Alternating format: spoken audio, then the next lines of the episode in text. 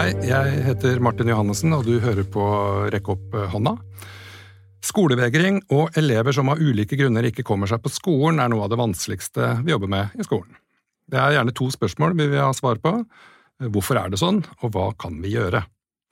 Branka Li er lærer, spesialpedagog og pedagogisk psykolog. Hun har både høyskole- og universitetsutdanning i disse fagene fra Kroatia og Norge. Mange års erfaring i å undervise i ulike spesialpedagogiske og pedagogiske psykologiske emner. Er også faglig tilknytta som emeritusforsker ved Høgskolen Innlandet, seksjon for psykologi. Og Branka Lie er forfatter av flere bøker som handler om begavede barnehagebarn og begavede elever med ulike vansker, og nå er hun aktuell med boka Redde for skolen, om skolefobi og skolevegring. Velkommen, Branka. Tusen takk. Vi begynner der med Allerede i tittelen så er det jo to begreper vi må rydde opp litt i. Hva er forskjellen på skolevegring og skolefobi? Ja, hva er forskjellen? Det strides om skillet mellom skolevegring og skoleforbi i det pedagogiske miljøet i Norge. Men det er enighet om at skolefravær er et problem, for den kan få store konsekvenser for elevens faglige, sosiale og emosjonelle utvikling. Derimot er uenighet om de betegnelser som du nevnte. I Norge brukes begrepet skolevegring som en fellesnevner. På elever som er redde for skolen på grunn av sterk angst og fobier, altså skolefobi, og elever som vegrer seg til å gå på skolen av andre årsaker, altså skolevegring. Og skole skiller heller ikke mellom elevene med skolefobi og skolevegring, men den av psykologer og psykologiske studier i Norge derimot skiller mellom disse to fenomenene.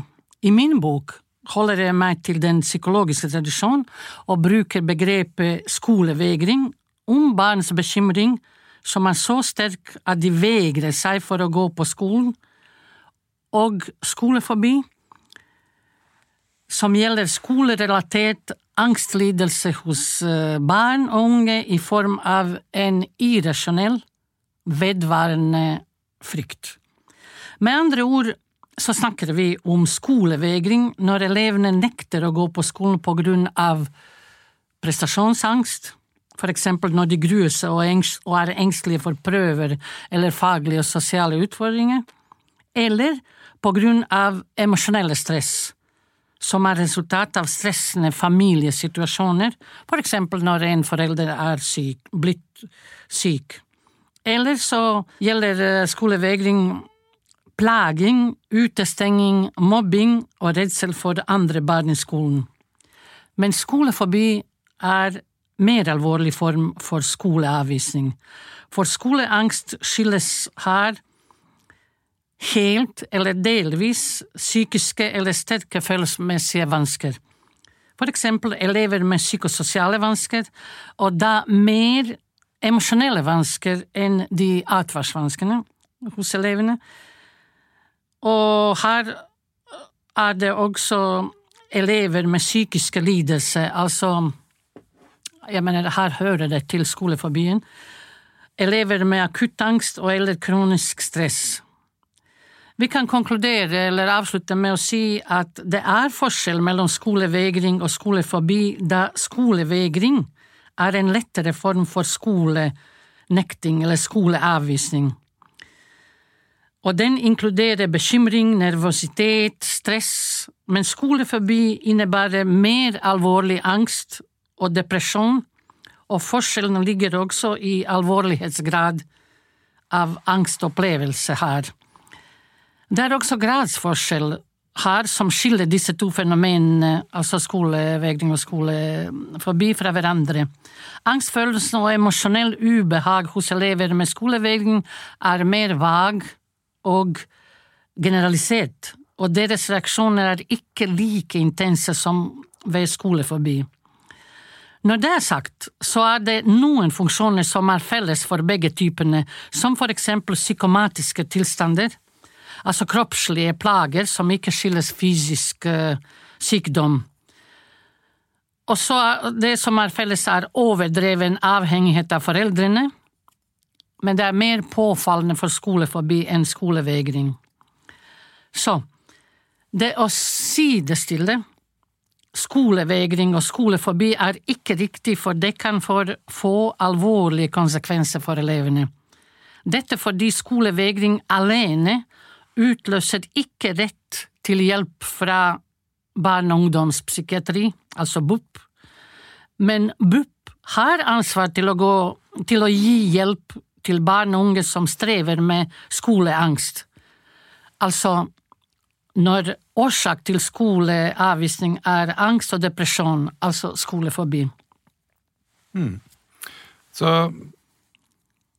jeg, så jeg, jobber jo på skole, så jeg tenker jo da at uh, det første jeg må gjøre, er jo i hvert fall å slutte å bare bruke begrepet skolevegring.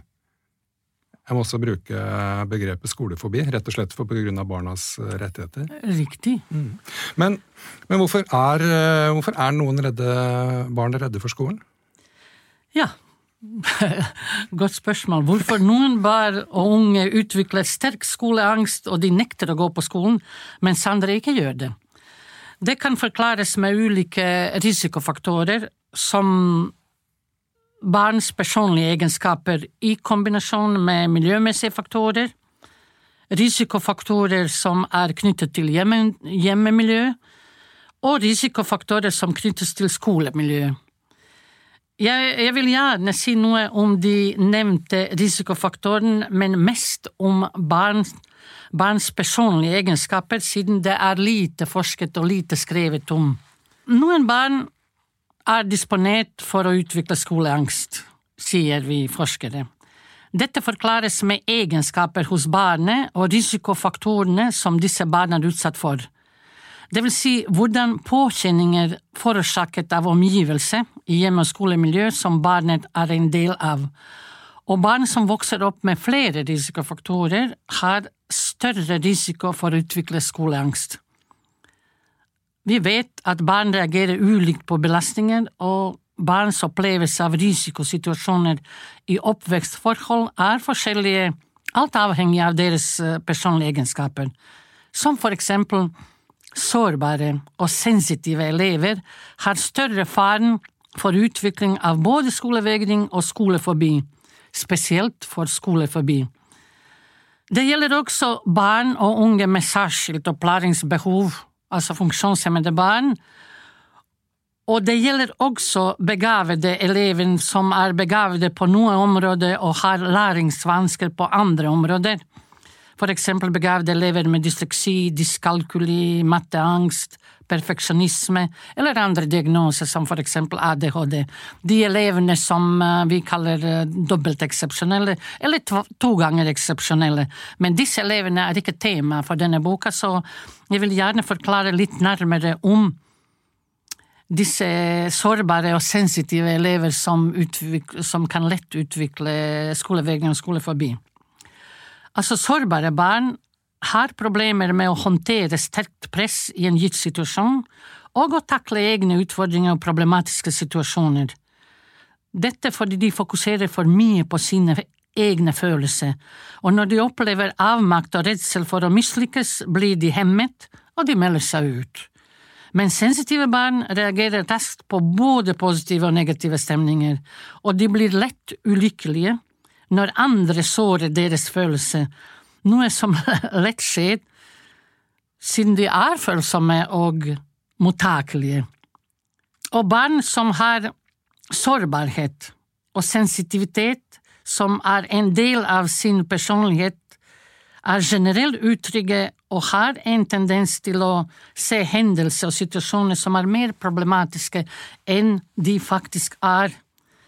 Men i denne sammenheng er det viktig å si at, eh, eller nevne at psykologisk sårbarhet og sensitivitet er biologisk, genetisk betinget. Det vil si, de er, de er født med det. Og det er en tilstand, og ikke en diagnose. Når det, når det er sagt, så vil jeg nevne at vanskelig, barns vanskelig temperamentstil Altså når barn er impulsive, utagerende, reservert, utrygg, sjenert, tilbaketrekkende, kan også være en risikofaktor når det gjelder utvikling av skoleangst. Fordi barn med denne temperamentstilen er urolige, svært aktive og tilpasser seg ikke lett nye situasjoner og tåler ikke endringer. De blir lett frustrerte og sinte, og de reagerer sterkt med sinne når de blir korrigert av voksne. Kort sagt, barns individuelle egenskaper, sårbarhet, sensitivitet og temperamentstil i samspill med risikofaktorer, altså stressbelastende forhold hjemme og på skolen, er forutsetningen for at barn utvikler eller ikke utvikler skoleangst. Det vil si, de nevnte risikofaktorene fører ikke alltid til at barn utvikler skoleangst. Dette fordi noen barn har styrke og vilje til å takle vanskelige situasjoner. De er robuste, og de er resiliente. Og disse egenskapene reduserer risikoen for at barn utvikler skoleangst. Det å være robust er en styrke og fasthet som gjør barn i stand til å klare en utfordrende situasjon på tross av motstand. Og resiliente barn er lite mottakelige for negative miljøpåvirkninger. De har en god tilpasningsevne til vanskelige situasjoner, og de utvikler seg godt på tross av store påkjenninger som ville ha medført psykiske vansker for andre barn som ikke er resiliente. Det er også slik at visse trekk ved barns personlighet, som for eksempel selvverd, selvoppfatning, selvbilde og selvtillit, kan hemme og fremme utvikling av barns skoleangst. For eksempel lav selvverd og lav selvtillit fører til i usikkerhet og angst, og barn med lav selvverd reagerer enten med underdanighet eller aggressivitet, mens positiv selv selvbilde Høyt selvverd og høy selvtillit regnes som resiliensevne, og da er de beskyttende faktorer. Det vil si, barn med de positive personlighetstrekk klarer seg under dårlige livsbetingelser. Så for å si det kort, eller med andre ord, så selv om barn er utsatt mot risikofaktorer, det er ikke nødvendig, eller det er ikke automatisk at de skal utvikle skoleangst. Men Det er jo egentlig veldig godt å høre.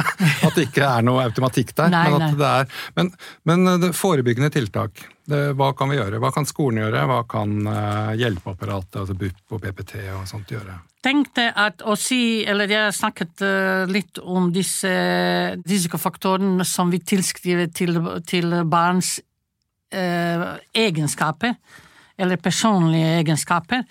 Men uh, her er det veldig mye å si til uh, risikofaktorer som er knyttet til hjemmemiljø og skolemiljø, og da, da er det viktig å, å, å, kunne vite litt om det, fordi de tiltakene som skolen eller hjemmet øh, setter i gang, er, er i forhold til disse risikofaktorene som vi finner der.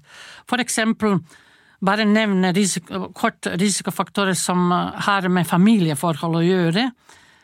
Veldig kort, det er foreldrepress og foreldrenes mangel på, på forståelse og støtte for barns behov og emosjonell tilstand. Eller eh, inkonsekvent foreldrestil, at noen ganger er de ettergivende og andre ganger er de avvisende. Negativ foreldrestil, altså avvisning og kontroll, eller at de er overbeskyttende, kan også um, utløse skolevegring eller skoleforbi. Andre, andre fakt, uh, risikofaktorer kan være familiekonflikter, familiesårbarhet, separasjonsangst, både barns eller foreldrenes, traumatiske opplevelser hjemme, død i familien, barns eller foreldrenes sykdom, fysisk eller psykisk, vold i hjemmet, til og med ny babyhuset kan være en årsaksfaktor, men da er det mer knyttet til skolevegring, og det er bare um, tidsbestemt og ikke noe så alvorlig. Men når det gjelder risikofaktoren som knyttes til skolemiljø, så er det her snakker vi om forhold på skolen som kan være årsak til elevenes bekymringsfulle eller negativ skolefravær, vil si psykososiale belastninger i skolen som kan påvirke elevens psykisk helse, altså negativt påvirke. Og her snakker vi for, um, om skolekontekst generelt, altså skolens normer og verdier De er generelle, men ikke, de kan være også eh, negativ påvirknings- eller risikofaktor. Eh, det psykososiale klimaet i klassen, elevens mangelfulle ferdigheter og deres oppfatning av skolen, eller skolestress. Og lærerens personlighet, ikke minst, og kompetanse. Altså lærerens forhold til elevene, eh, elev-lærer-relasjoner, og det dårlige klimaet i klasserom og på skolen generelt regnes som mest signifikante risikofaktoren for at barn kan utvikle skolestress andre skolefaktorer som kan utløse skolevegring, er det uklare regler og inkonsekvent handling, eh, håndheving av reglene. Mangel på felles holdninger til strategier for oppfølging av elevens skolefravær er også noe å si der. Hyppig utskiftning av faglig personale, lærere og vikarer, skifte av klassen eller skolen, til og med strenge virkemidler for fravær ved skolen, eller fravær ved skolen, for eksempel stiv skolepolitikk og straffetiltak, kan også påvirke negativt. Eh, motsetninger mellom skolen og hjemmet, og mangel på erfaring og kompetanse hos lærerne i pedagogisk arbeid med elever med fobisk skoleangst hva kan skole og hjelpeapparatet gjøre, kan vi knytte til alle disse eh, risikofaktorene for å gjenkjenne, for å identifisere eller kartlegge disse, og da bygger vi tiltak i forhold til det.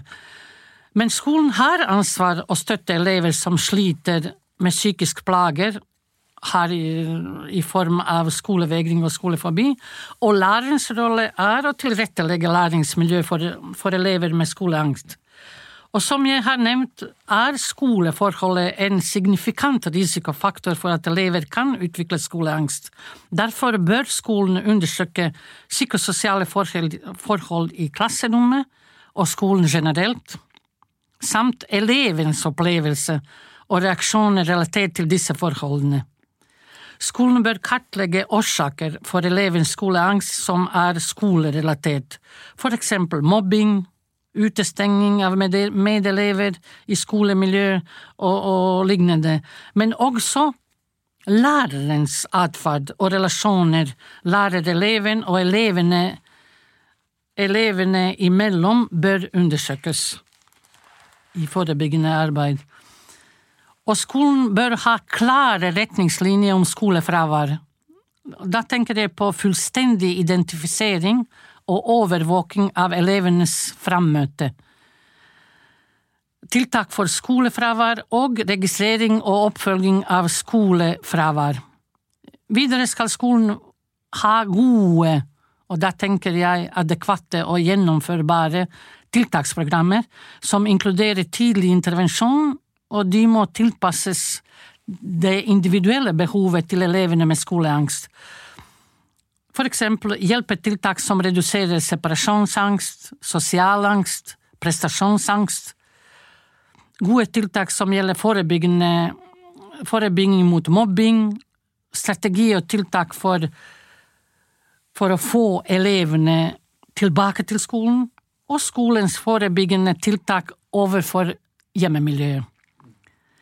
Men um, bare for å nevne, nevne, noe, og gode tiltaksprogrammer krever et godt samarbeid mellom skole og hjem, og vi må ikke, for vi må ikke glemme at foresatte har mye kompetanse og kjenner eh, best sine barn. Videre kan skolen jobbe aktivt med å fremme samarbeidet mellom andre instanser. Her snakker jeg om de ulike hjelpeinstansene som skolehelsetjenesten, pedagogisk-psykologisk tjeneste, altså PPT, barne- og ungdomspsykiatrien, altså BUP, barnevernstjeneste og barnslege. Mm. Du snakker om eh, foreldrene her, og det syns jeg er litt interessant, for det jeg opplevde at det kan være i skolevegringssaker, da, eller skoleforbisaker, så er det, kan det være veldig vanskelig å ha godt samarbeid med foreldrene. Men det, altså, det, står jo en del om det i, i boka di også, men, ja. men hva, hva, kan foreldrene gjøre for å, ja.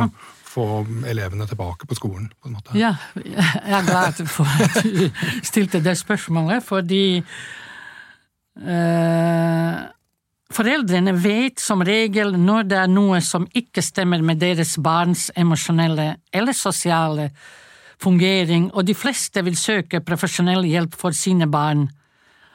Men mange foreldre sliter seg ut på en daglig kamp for å få barna sine på skolen, og i mange tilfeller vet de ikke hvordan de kan takle det. Og det fins mange forskjellige altså det finnes mange forslag, eller forskjellige forslag til hvordan foreldre kan hjelpe sitt barn som nekter å gå på skolen på grunn av skoleangst. Disse forslagene kan de få gjennom skole-hjem-samarbeid, og de kan få råd av fagfolk, rådgiver, psykolog, pedagog eller psykolog, som følger opp barnet med skoleangst. Og du nevnte at det er en del uh, konkrete forslag uh, som kan finnes i denne boka, eller boken min, men jeg kan dessverre ikke gå nærmere uh, på disse forslagene. Det er flere sider. Men jeg kan nevne at det kan være problematisk for foreldrene å identifisere barnets symptomer eller atferd som signaliserer alvorlig skoleavvisning, og enda vanskeligere kan det være å tolke om symptomene er alvorlige, eller atferden reflekterer angstrelaterte skolevansker, altså skoleforbi. Så um, la meg nevne kort hva slags symptomer eller uttrykk bør foreldre være obs på. Og det er um, Se etter tydelige faresignaler for å hindre at skole nekting eller skoleavvisning utvikler seg til skolevegring, eller enda verre til fobisk skoleangst eller skolefobi. Uh, vil nevne litt uh, For eksempel, det, det starter med å komme for sent på skolen. Skolefraværet er sporadisk fra enkelte timer til noen dager. Trives ikke på skolen og ringer ofte hjem, eller ønsker å gå hjem i løpet av dagen.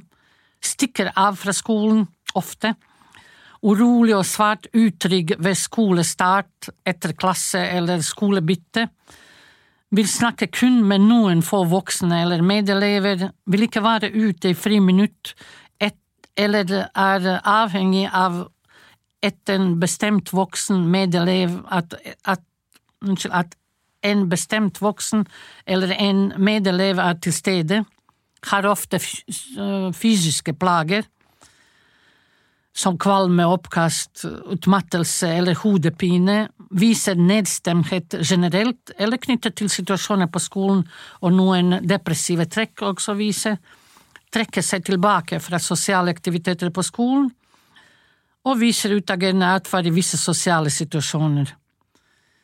Eller gjør alt for å unngå å delta i noen timer, eller i noen fag, eller i noen situasjoner eller sosiale skoleaktiviteter.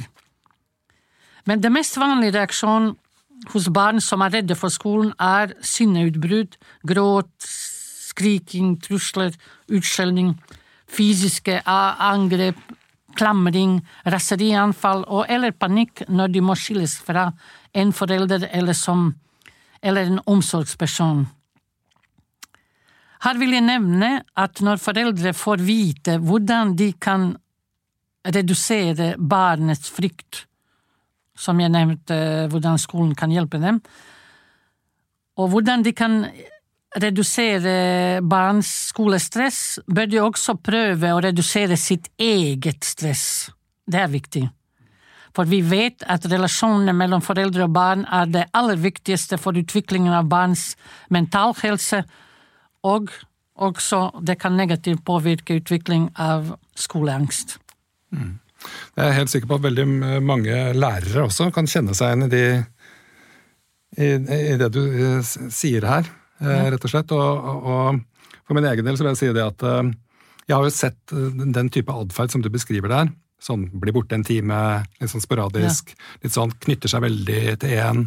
Sånn. Jeg ser det jo med en gang. Fint, Men jeg har venta altfor lenge med å gripe inn. Ikke sant? Så det var en ja. god påminning der. Men hvordan, eh, hvordan skal vi få altså Nå har elevene hatt skolevegring, skoleforbi, har vært borte lenge. Hvordan skal vi få de tilbake til skolen? Ja.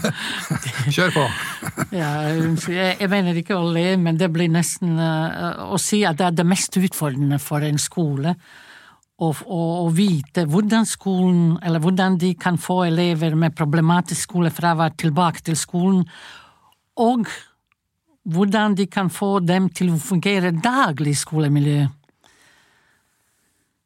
Altså, skolens tiltak for jeg kaller det reintegrering, for et sånn faglig begrep, sånn å få dem tilbake og integrere dem på nytt i skolemiljø.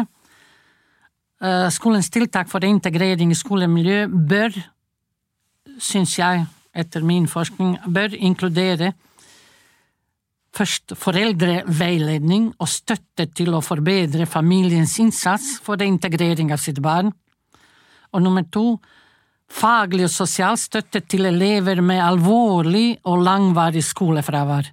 For det her snakker vi, ikke sant, både skolevegring og spesielt skolefobi, at det er en kronisk og langvarig negativ skolefravær. Det er detaljert beskrevet i denne boka, men her vil jeg bare nevne litt om hva som kan fremme reintegrering og hva, kan, hva som kan hemme eller få det ikke til ved reintegreringen. Det som kan fremme reintegreringen og lette foreldrenes frustrasjoner og motivere dem til samarbeid med skolen, er at skolen lager en tidsplan i samarbeid med foreldrene og PPT for å reintegrere eleven. Den beskriver Altså planen beskriver hva skolen, hva barnet og hva foreldrene forplikter seg til for å oppfylle planen, og den må ha flere forslag til hvordan man kan få hjelp til å kunne overholde den. De, alle må, alle må uh, parter må få hjelp og klare retningslinjer hvordan kan de gjøre, kan, hva skal gjøres, og hvem har ansvar for hva. Uh, det, det, det, er det viktigste. Når det gjelder å hemme reintegreringsprosessen, eller at skolen ikke får det til. Det er først og fremst mangelfullt samarbeid med foreldrene. Det gjelder anstrengt forhold mellom skolen og foreldrene på grunn av mistillit og mangel på kommunikasjon over flere år. Men det gjelder også foreldrenes Det gjelder også når foreldrene mangler forståelse for det arbeidet skolen gjør, og forventer øyeblikkelige resultater når det gjelder å få barn til å delta i skolen på heltid. Og ikke minst er det viktig lærerens rolle. Altså Det som kan hemme reintegrering, er at lærerne mangler kunnskap om årsaker til skolevegring, og spesielt om skolefobi, og at de ikke har kompetanse til å jobbe med elever med skoleangst. Jeg kan konkludere med at elever med langvarig skolefravær kan reintegreres i de fleste tilfellene, men det er nesten umulig å reintegrere elever med skoleforbi i en vanlig klasse og i heldags skoledeltakelse. Derimot kan de reintegreres i alternative opplæringsprogrammer som kan suppleres med spesielle undervisningsmodeller. Men dette forutsetter en regelmessig overvåking av framgang i opplæringssituasjonen og oppfølging av registrering av tegn på skoleangst tilbakefall. Og da kommer vi tilbake til kompetanse. Det er det som, som skal til. Mm. Eh, dette her er, som, eh, som, vi hører, et ganske vanskelig tema, men det er jo ikke, det er jo ikke håpløst. Det fins eh, løsninger, men vi trenger kompetanse, ja. og vi trenger også å øve opp blikket vårt, i hvert fall vi lærere, så vi kan gjenkjenne dette her tidlig nok, og sørge for å ha god kontakt med foreldrene underveis. Ja. Vi skal runde av, Branka. Er det noe du brenner inne med? Noe du må si? Ja. Eh, det har vært lite forskning i Norge om årsakene til skolevegring, og enda mindre på skolefobi. Og det er viktig, som jeg nevnte, å skille av. Og det er lite forskning på strategiene som skolen og foreldrene kan bruke for å støtte barn med skoleangst. Så det vi trenger, det er mer forskning om hvorfor er barn redde for skolen, og hvordan kan vi få elevene med skoleangst tilbake til skolen. Vi kan alltid få dem tilbake med hjelp av foreldrene, men å, å, å få dem til å være på skolen. Og hvis vi ikke gjenkjenner eller skolen eller lærer sko, skoleangst tilbakefall, så starter vi på noe igjen. Mm. Det var det. Det var det. Nå er det sagt òg. Det er bra. Tusen takk til deg, Brankali, for at du kom og slo an prat om Og takk for meg. Om både skolefobi og, og skolevegring. Og alt det kan du da lese mer om i boka 'Redde for skolen' om skolefobi og skolevegring, som er uten av. Og takk for at du hørte på Rekk opp hånda. Husk all avstand, vask henda, bruk antibac og pass på kohorten din. Vi høres.